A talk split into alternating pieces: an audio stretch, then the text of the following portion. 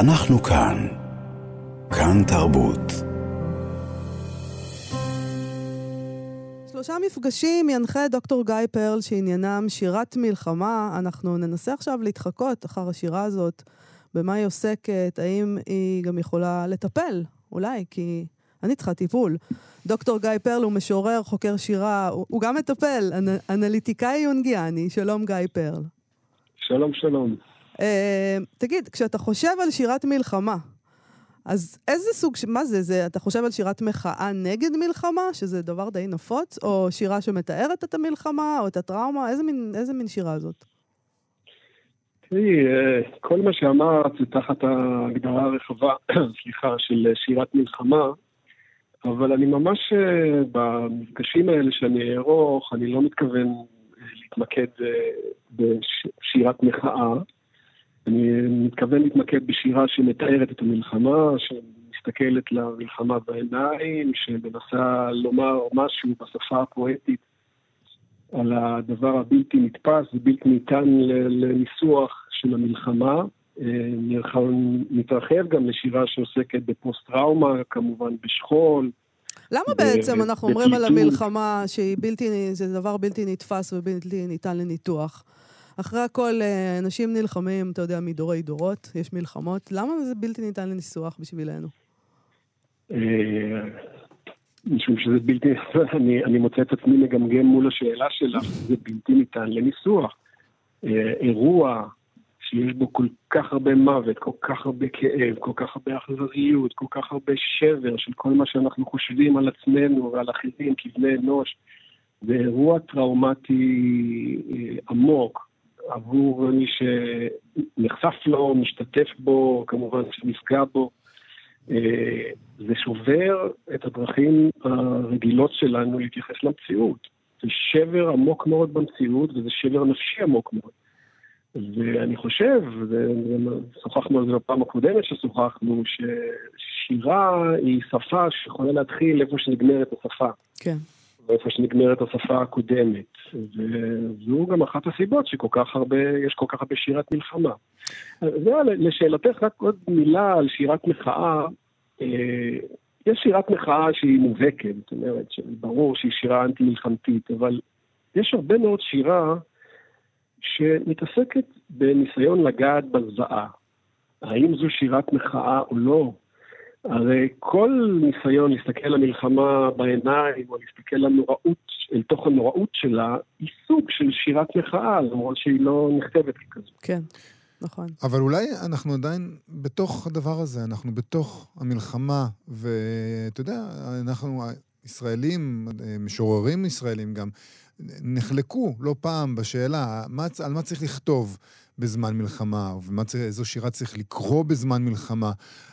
אולי צריך לקרוא שירי אהבה עכשיו, ולא שירי מלחמה. אה, אני חושב שצריך לקרוא שירי אהבה. קודם כל צריך לקרוא שירה, ושירת אהבה היא שירה נפלאה, אבל כשפנתה אליי אה, לי ברבו, מתת תרבות, שזה הגוף אה, של עיריית תל אביב, שהוא מארגן את, ה... מארגן את שלושת המפגשים האלה, היא ישר הציעה לי אה, לעשות משהו סביב שירת מלחמה, ואני ישר אמרתי כן, משום שאני חושב שיש אנשים שיותר מלקרוא שירת אהבה, דווקא לקרוא אה, שירת מלחמה יכול לנסח עבורם משהו שהם מרגישים והם לא מצליחים לנסח אחרת, יכול לתווך להם משהו. אז מי שאני, אני, אני מאוד בעד קריאת גם שירת מלחמה. אה, אני רק אציין שאני לא אתמקד בשירה שנכתבה, שמעתי בסוף, הר... הצלחתי להספיק לשמוע את סוף הריאיון עם מאיה בז'ירנו. כן. כן. התייחס, התייחסתם בריאיון הזה לשירה שנכתבת עכשיו. בוודאי שכל מפגש אני אפתח בשירה שנכתבת עכשיו, יש שירה יוצאת דופן באיכותה, לפחות חלקה. אבל זה יהיה רק אה, חלק אה, קטן מהמפגש, אני רוצה להרחיב. אז בוא נשמע, להקריא... בוא נשמע דוגמה לשיר אחד, למשל, שתקרא שם. שיר אחד. אה, יהיה לנו זמן רק לאחד, אני עכשיו חייב לבחור? לא, לא, לא. יהיה לנו זמן ליותר מאחד. בוא נתחיל. אוקיי, בסדר, נתחיל. אז נתחיל, הייתי אומר, עם שני שירים קצרים, קטנים, ובחרתי אותם משום שהם בצורה כל כך יפה ומזוקקת, מראים איך לפעמים, דיברתם שם משהו על גיא הרגר, על, על, על שירה גדולה שמרגישה עם האימה במלוא נוראותה. נכון. שני, שני שירים אה, קטנים שעוסקים כל אחד מהם ברגע, במעשה קטן או ברגע קטן, ודווקא אם שמים הצידה רגע את הזוועה הגדולה ומסתכלים על המלחמה דרך חריץ מהסוג שהשירים האלה מציעים, לי לפחות זה אגרוף, אגרוף בבטן. אז אני אתחיל, השיר הראשון הוא של משוררת פולניה בשם אנה שווירשצ'ינסקה, mm-hmm. שווירשצ'ינסקה, מפולנית תרגם אה, דוד ויינפלד. ואני מקריא את השיר. שמו השכנה אמרה לשכן. השכנה אמרה לשכן, מאז שבעלי נהרג אני לא ישנה. כשיורים אני שמה שמיכה על הראש. כל הלילה אני רועדת תחת השמיכה הזאת.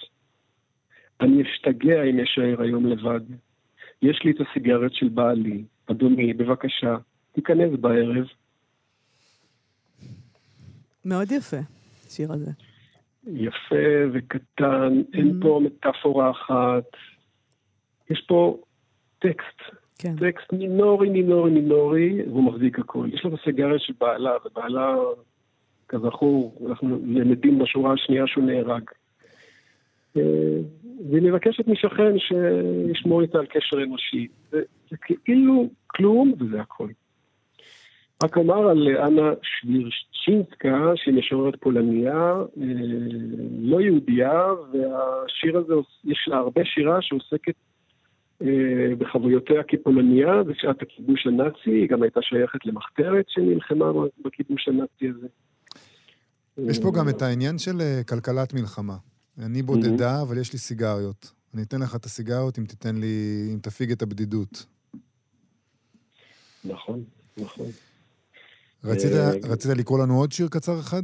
כן, כן, עוד שיר שבעיניי מדגים uh, את אותו עניין, שכבר התייחסתי אליו, זה שיר של משוררת סורית, uh, בת דורנו, בשם מייסון שקר, וזה מתוך uh, גיליון ננו פואטיקה, שהוקדש לשירה סורית מודרנית, uh, תרגם מערבית עידן בריר. Uh, שם השיר הוא שיר. האישה ששרה בכל לילה בבית הקברות איננה אישה מבוגרת. היא רק יודעת שהקטנטנים אינם ישנים בלי השירים. זה מעניין לבחור uh, בשירה סורית בערב שכזה, בזמן כזה. אה, כן, ועשיתי את זה בכוונת uh, מכוון. ברור, ברור לי לגמרי, כן. כן, כן. השיר הזה, השיר הזה נכתב בהקשר של מלחמת האזרחים האיומה בסוריה. אה, ואתה צודק, זה שירה ערבית, אה, שירה מארץ האויב. אתה מחייב אני... בעצם את המאזינים לגלות הרבה מאוד אמפתיה, כי בלית ברירה, כן? מה זאת אומרת? ברור, כולנו מרגישים אמפתיה כלפי, כלפי מי שאיבדו את הילדים שלהם, וזה שם אותנו, אה, ב, אני בטוח, במידה כזאת או אחרת, בדיסוננס. מצד אחד את האמפתיה, מצד שני אנחנו עכשיו, עכשיו, עכשיו תוקפים שם, הם תוקפים אותנו, זה קורה עכשיו. נכון, ואני מבין שיש בזה משהו מאתגר, ואני חושב שבלי האתגר הזה, ובלי המורכבות הזו, ובלי האמפתיה שצריך לגייס בכל זאת, גם לסבלם של ילדים אחרים, של אנשים אחרים, אה, מצבנו יהיה רב אמר.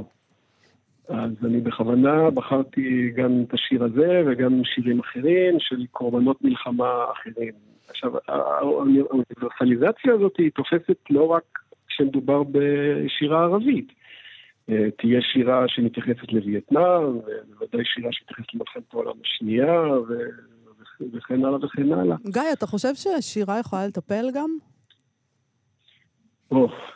את שואלת את זה כי אני מטפל. כן. אה, כן, לא, די, די, תראי, אה, כן, התשובה היא כן, ואנחנו מכירים את הביבליותרפיה, על, על הערך התרפויטי של, אה, של שירה, כתיבת שירה, קריאת שירה.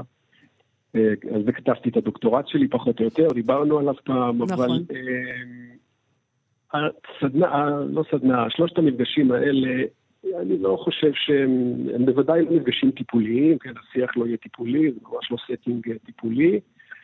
אה, אני לא חושב ששירה יכולה לרפא חלק מהפצעים שכולנו נושאים כעת, אה, לא, בטח לא סדנה או שלושה מפגשים, אבל אני חושב לגמרי שהיא חלק מההתחלה של תהליך שיקום וריפוי ויכולת להתייחס באמצעות ההכרה שלנו, באמצעות השפה שלנו. אם, אם אני אנסח את זה אחרת, אני חושב ששירה היא דרך חשובה לחזור להרגיש. ואני חושב שכולנו בחודש האחרון ומעלה אה, מתקשים להרגיש. כי כשמתחילים להרגיש זה בלתי נסבל, ואז אה, מנתקים בדרכים כאלו או אחרות. ושירה בכלל, ושירת מלחמה בפרט, יכולה להחזיר אה, משהו מהרגש, משהו מהיכולת להרגיש, ואז לומר משהו על זה. אז ריפוי זו מילה גדולה, אבל... כן, כן. הגזמתי קצת. לא, לא, נטייה לא.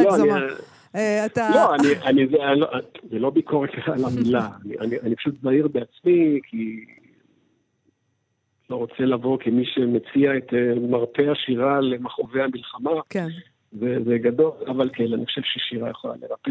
אני מעיד את זה על עצמי. אני יודע ששירה שקראתי מאז שהאימה הזאת התחילה, ושירה שכתבתי מאז שהאימה הזאת התחילה. ולא ריפא אותי, אני לא, אני, אני לא, לא קל לי ולא טוב לי. אבל זה חלק מהערוצים שאני מפעיל בעצמי בשביל להיות מסוגל אה, להמשיך הלאה, להישאר אנושי, להרגיש, לקוות לטוב. אז התשובה היא כן, אבל צריך להיות uh, צנוע. אז uh, אולי לסיום נשמע עוד שיר? את האחרון שבחרת? כן. אז תראי, אני, יש שיר אחר מהבחירה הראשונית שלי, ודווקא הוא עונה נורא, אני חושב שהוא ממש מתייחס לשאלות האחרונות שלך על ריפוי. כן. אני אקריא שיר של דליה רביקוביץ', שנקרא אה, סיום המלחמה, ואני בוחר להקריא אותו משום שיש בו איזה פלא, וזה פלא, זה, זה אולי זה חלק ממה שאפשר לכנות אותו הפלא של השירה, ובטח של שירת רביקוביץ' הגדולה. כל מה שנאמר, כמעט כל מה שנאמר בשיר הזה הוא קשה. הוא עוסק בחיזיון של אדם קטוע רגליים שנכנס לדרך החלון, ככל הנראה בחלום, היא מתארת את המלחמה וכן הלאה, ובכל זאת כל התמונה הקשה הזאת, בייחוד שהיא עוברת את הזיקוק הפואטי, הופכת להיות תמונה של נחמה וריפוי. בבקשה. אז אני אקריא, סיום המלחמה של דליה רביקוביץ'. הוא בא בחצות קטוע רגליים, אך פצעיו הישנים זה מכבר קרמו אור.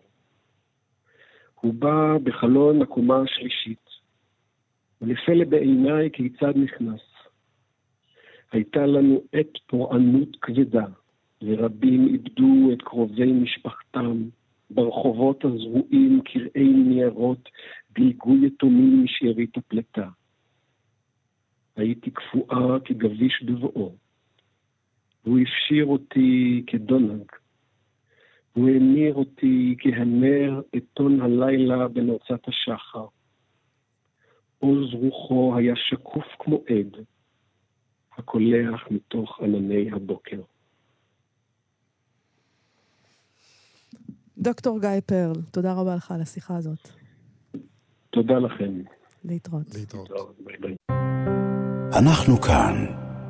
כאן תרבות.